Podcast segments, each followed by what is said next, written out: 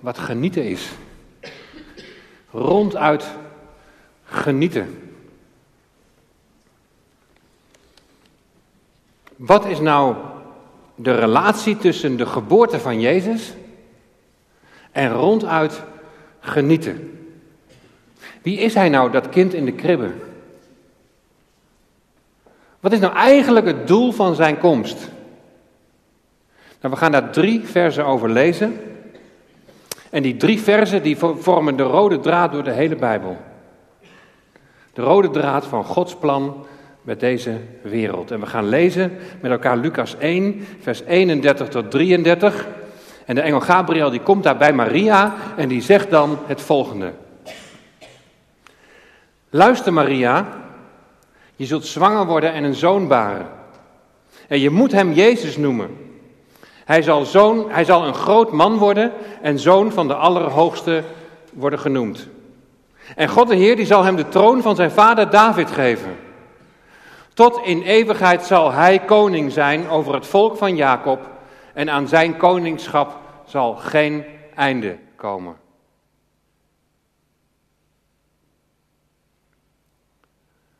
Het hele kerstgebeuren, de geboorte van Jezus, wordt vaak nogal geromantiseerd.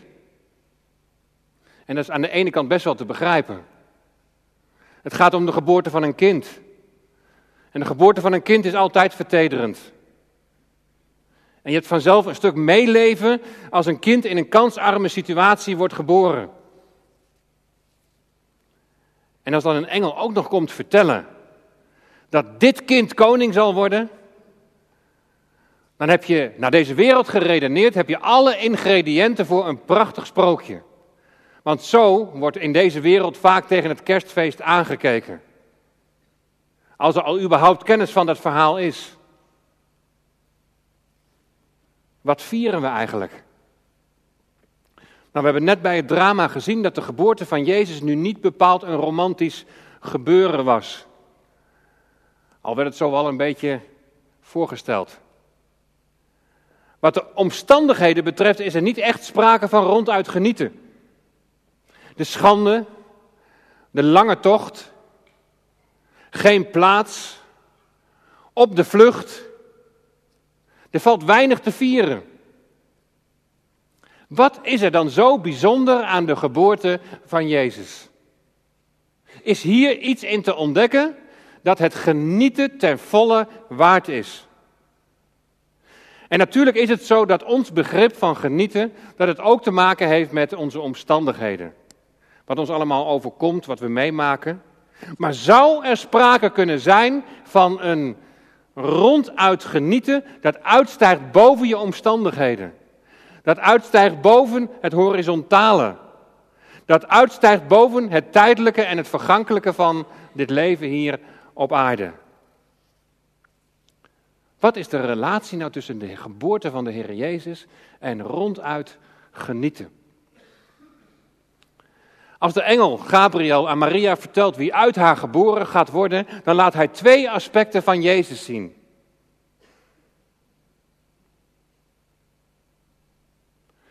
Twee aspecten die ook weer die hele rode draad door de Bijbel vormen. In de aankondiging van Jezus' geboorte zien we één, Jezus de redder, en twee, Jezus de koning. Om te kunnen snappen waarom hij als redder en koning moest komen, pakken we de rode draad op aan het begin van de Bijbel. Als de eerste mensen, Adam en Eva, besluiten om niet aan God te gehoorzamen, maar te luisteren naar zijn tegenstander, de duivel, dan gebeuren er twee dingen. Ten eerste, de relatie tussen God en mens wordt verbroken. En wat tussen God en mens instaat, dat noemt de Bijbel zonde. En de betekenis van zonde is het missen van Gods aanwezigheid in je leven. En het gevolg is dat je gaat zondigen. Het gevolg is dat je niet in staat bent om aan Gods geboden te voldoen. En dan komt chaos. Vrede is ver te zoeken. Als God niet ingrijpt, dan zal het niet goed aflopen. Zonder zijn ingrijpen ben je reddeloos verloren. Zul je na dit leven ook niet in zijn aanwezigheid zijn. En daarom is er een redder nodig. Het tweede dat gebeurt is dat de duivel Gods koningschap ondermijnt. Hij staat op tegen God. En we noemen dat wel rebellie. Hij verleidt de mens. En doordat de mens naar hem luistert, wordt deze wereld wordt zijn machtsgebied. De duivel wordt in de Bijbel dan ook wel de overste van deze wereld genoemd. En als je naar de wereld om je heen kijkt, dan is er voor heel veel mensen maar weinig om ronduit van te genieten. En dan druk ik het nog heel zacht uit.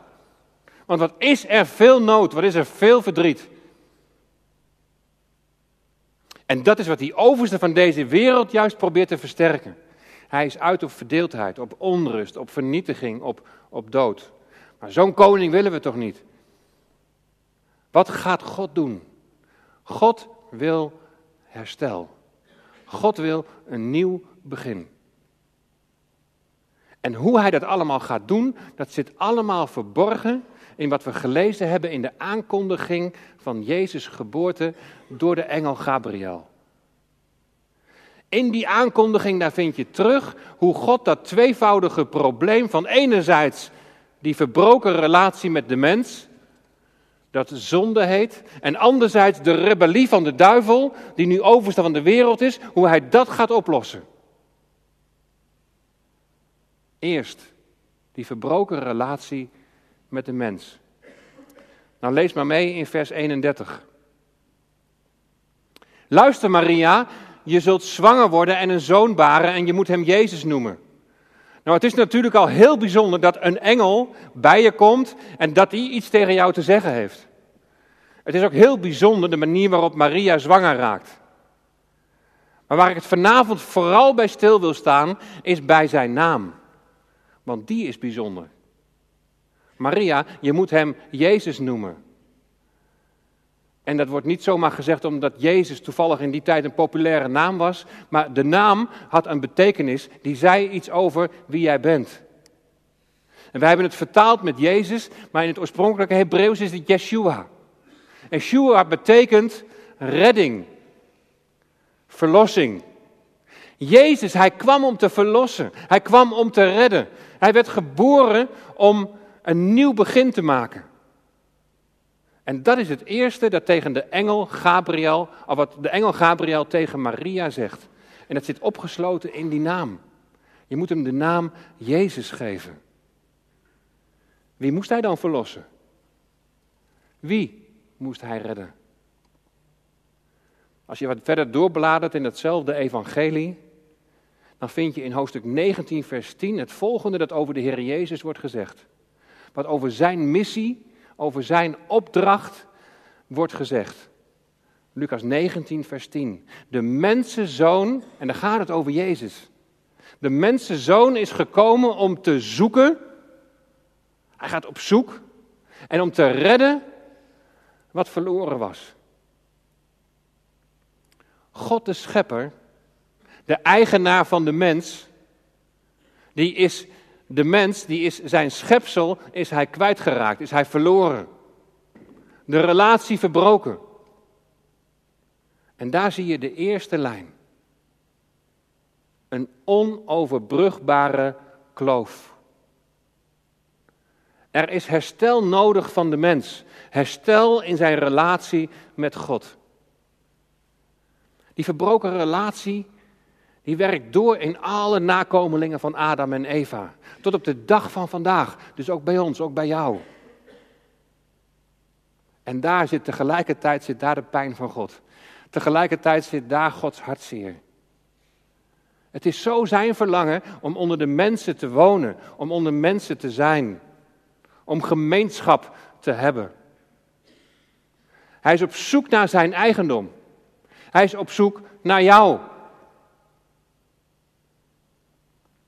Hij is op zoek naar wat hij verloren heeft.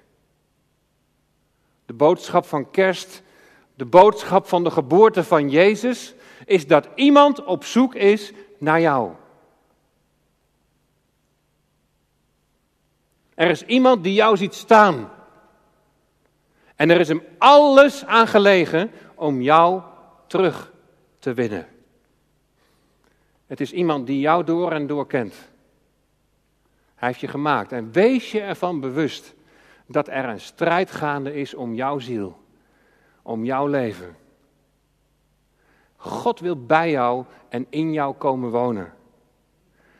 Hij wil zijn onvoorwaardelijke liefde wil hij aan jou kwijt.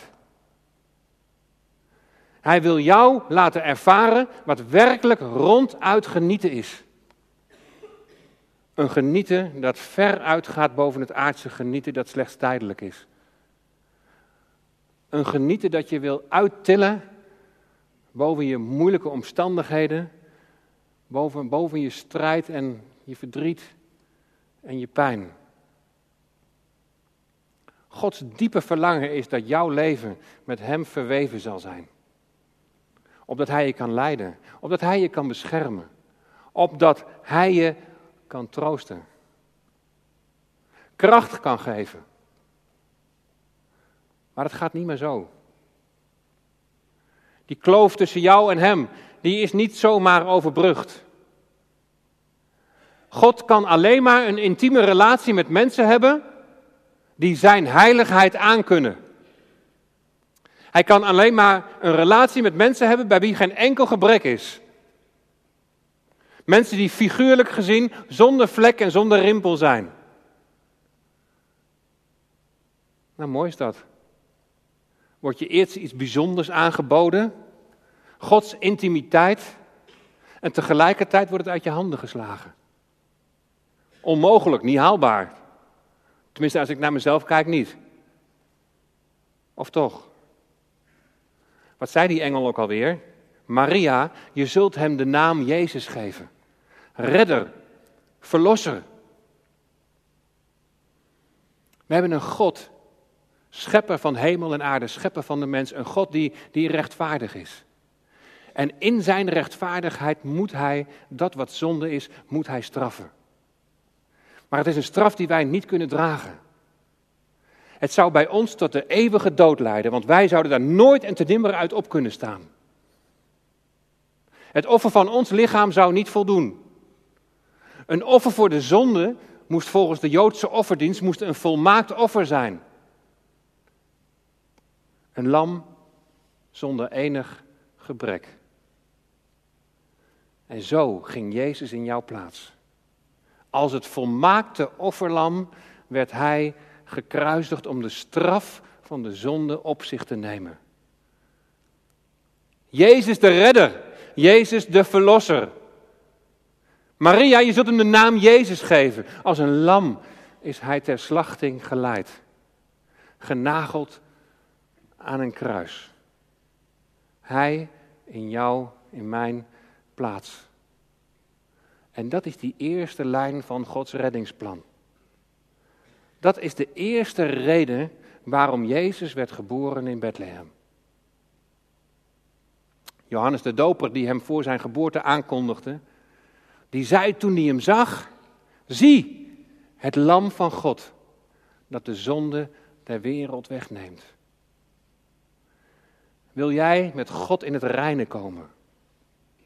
En geloof in de Heer Jezus. Geloof in Hem die voor jou stierf, die zijn leven voor jou gaf.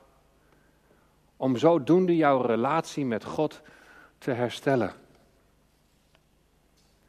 In jezelf is niets wat je kan redden. Het is Jezus en Jezus alleen. Het volmaakte offerlam. De tweede lijn. De tweede lijn zien we in het tweede gedeelte van de aankondiging van Jezus' geboorte, vers 32. Hij zal een groot man worden en zoon van de Allerhoogste worden genoemd. En God de Heer zal hem de troon van zijn vader David geven. Jezus, het kind in de kribbe, hij zal een groot man zijn. En de zoon van de Allerhoogste worden genoemd. Nou, in het Oude Testament, daar werd God de Allerhoogste genoemd. Dus wij mogen hier de conclusie uittrekken dat Jezus de zoon van God is. Maria, het kind dat jij draagt, is de zoon van God, de zoon van de Allerhoogste. Het zal je maar gebeuren. Maar moet het overweldigend voor Maria zijn geweest. Geboren in een kansarme situatie. En dit kansarme kind zal koning zijn. Hij zal niet alleen zonden vergeven, mensen redden en verlossen, maar hij zal koning zijn over deze aarde. God de Heer zal hem de troon van zijn vader David geven, hebben we net gelezen. David was niet zijn natuurlijke vader, want die leefde al zo'n duizend jaar voor Christus. De engel bedoelt dat Jezus uit de geslachtslijn van David komt. God had al aan David beloofd dat zijn troon voor eeuwig zou bestaan. Nou, dat leek er niet echt op. Als je kijkt naar de koningen die na David kwamen en er zo'n zootje van maakten. En ook ten tijde van dat Jezus hier op aarde was, zat er niemand uit het geslacht van David op de troon in Jeruzalem. Het land was bezet door de Romeinen. Maar het kind in de kribbe zal koning worden. We weten dat het toen 2000 jaar geleden zo niet is gegaan. Geen troon. Jezus niet koning. Hij werd niet als de Messias, als de gezalfde van God die komt om te redden. Zo werd hij niet erkend. En zijn volk wijst hem af. Geen plaats voor hem in Bethlehem. Bij zijn geboorte. Geen plaats voor hem als koning van zijn volk. De schriftgeleerden en de fariseeën in die tijd die wezen hem af en die waren uit op zijn dood. En dan zegt Jezus tegen de schriftgeleerden en fariseeën, Jeruzalem, Jeruzalem, u die de profeten dood en stenigt wie naar u toegezonden zijn. Dat is allemaal vlak voor zijn kruisiging. Vele profeten zijn afgewezen die het volk opriepen om tot God, om tot hun koning terug te keren. En nu wijzen ze ook de profeet wijzen ze af. Jezus, de Zoon van God, de Zoon van de Allerhoogste. Hoe vaak, zegt Jezus, heb ik uw kinderen bijeen willen brengen op de wijze waarop een hen haar kuikens bijeenbrengt onder haar vleugels. Maar u hebt niet gewild. En hier proef je Gods verlangen. Hier proef je Jezus verlangen. Als Hij regeert, is dat om jou te beschermen. Is dat om jou te koesteren onder Zijn vleugels. De overste van deze wereld, de overste van het rijk van de duisternis, lijkt te winnen. En daarom moest hij worden verslagen. En deze tweede lijn loopt net als de eerste naar het kruis. Toen Jezus stierf aan het kruis, nam hij onze zonden op zich, maar versloeg hij ook de duivel. Aan het kruis is de overste van deze wereld, de duivel, de koning van het koninkrijk van de duisternis, is verslagen. Hij die macht had over de dood, is onttroond. Hij is ontwapend. Hij kan mensen die door Jezus zijn gered en verlost, kan hij niet meer aanklagen.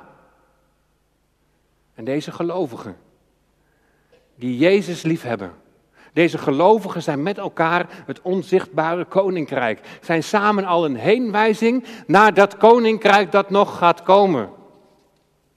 God heeft zich niet vergist. Jezus troont nu in de hemel aan de rechterhand van de Vader.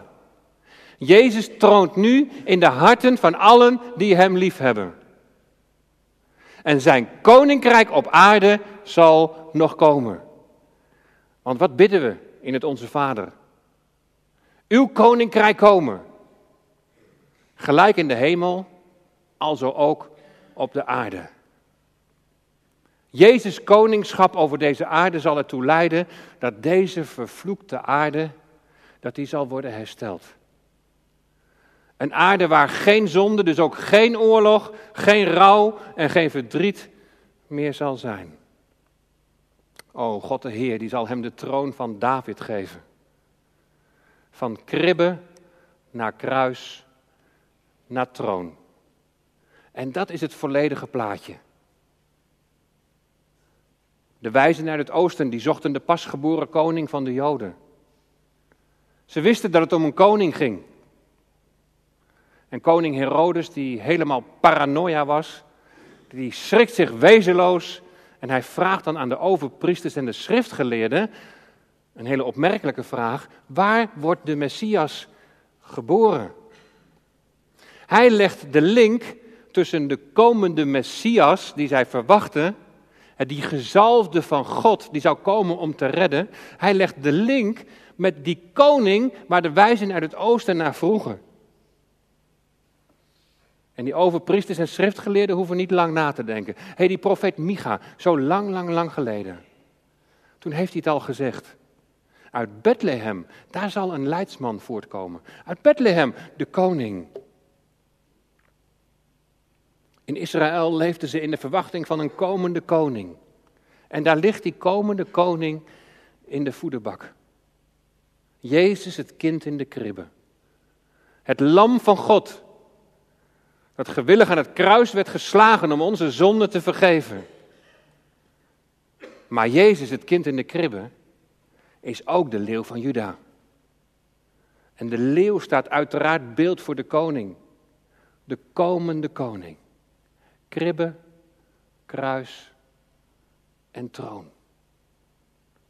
En met kerst staan we stil bij de komst van Jezus naar deze wereld, nu ruim 2000 jaar geleden. Een keerpunt in de geschiedenis. Een allesbepalend moment van, van verandering, van, van een nieuw begin. Redding en verlossing. Zijn koninkrijk is echter nu nog verborgen. Verborgen in de aanwezigheid van zijn volgelingen hier op aarde. Maar de leeuw van Juda zal komen. Zijn voeten zullen staan op de olijfberg. God de Heer zal hem de troon van David geven. Het is niet voor niets dat er vandaag de dag zoveel strijd is om Jeruzalem. Het is een geestelijke strijd. En weet je wat ik nou ronduit genieten vind? Dat met de komst van Jezus uiteindelijk vrede zal aanbreken. En dat deze vervloekte aarde zal worden hersteld. Dat alles eenmaal zal zijn zoals God het heeft bedoeld. En daar zal dan geen verandering meer in komen. Het ronduit genieten is dan niet tijdelijk, is niet meer vergankelijk, is niet e maar eeuwig. Omdat onze vredevorst, omdat Jezus onvergankelijk en eeuwig is. En dan is het een ronduit genieten van Zijn liefde, van Zijn aanwezigheid, Zijn koningschap over ons leven. En de vraag is, wie is jouw koning? Voor wie kniel jij neer? En je hebt de keuze tussen twee koninkrijken. Kies je voor de brede of kies je voor de smalle weg? En de Bijbel die zegt, als jij knielt voor Jezus, als jij gelooft dat Hij voor jouw zonden is gestorven en opgestaan, dan zul je worden getrokken uit het koninkrijk van de duisternis dat is het koninkrijk dat leidt tot de eeuwige dood. Dat is die brede weg.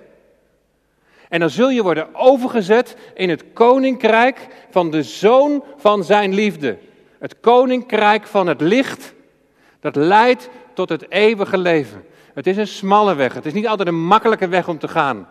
Maar de weg naar het koninkrijk van het licht is de weg naar het leven. En in dat licht komt je leven in een ander perspectief te staan. Een leven met Jezus verandert je van binnenuit. Het ronduit genieten is niet alleen maar een gericht zijn op de toekomst en dan komt het allemaal eenmaal goed. Ook daar mogen we van genieten, ook daar mogen we met heel ons hart naar uitzien. Maar als het licht van Christus in je hart komt, dan ga je van binnenuit veranderen. Gert en Mayo, die zendeling zijn in Thailand, die schrijven in hun nieuwsbrief over een ogenschijnlijk kansarme groep in Thailand en die noemen ze de Karen. Die zijn in het verleden zijn ze vanuit Myanmar zijn ze naar Thailand gevlucht. Geen beste vooruitzichten. Maar dan schrijven ze, het is wonderlijk, zij die tot geloof zijn gekomen, die vertellen over de hoop die in hen is. Er is weer toekomst. En ze vertellen over de vreugde van het geloof. Dat is ronduit genieten. Er is een vernieuwde gemeenschapszin in de dorpen, schrijven ze. En angst dat op vele terreinen in hun leven aanwezig was, daarvan zijn ze bevrijd.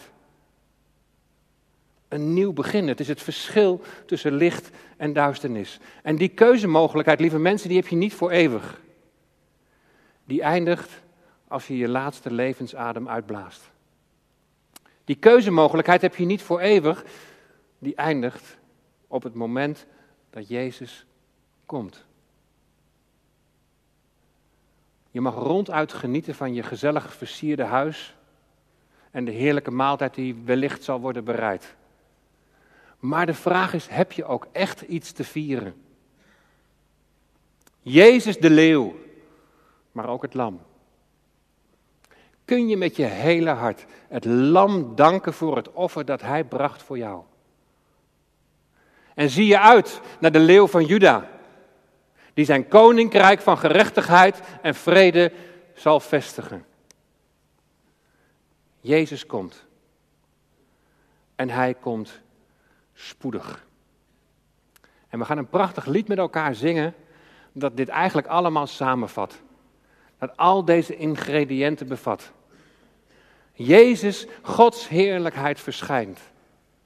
De mensenzoon, de zoon van God, zal koning zijn. Jezus, hij offerde zichzelf, het lam, wordt nu verhoogd, de koning wordt nu gekroond, want hij is de Heer. En zijn koninkrijk kent geen grens. En haar heerlijkheid kent geen eind. Nu de majesteit en luister van de vredevorst verschijnt. Hij zal koning zijn, is een belofte. Hij zal heerser zijn en regeren met macht en in gerechtigheid. Hij zal regeren vanuit de hoofdstad van Israël. Hij zal regeren vanuit Jeruzalem. Zijn voeten zullen staan op de Olijfberg. Jezus komt en hij komt spoedig. Ben je klaar om hem te ontmoeten?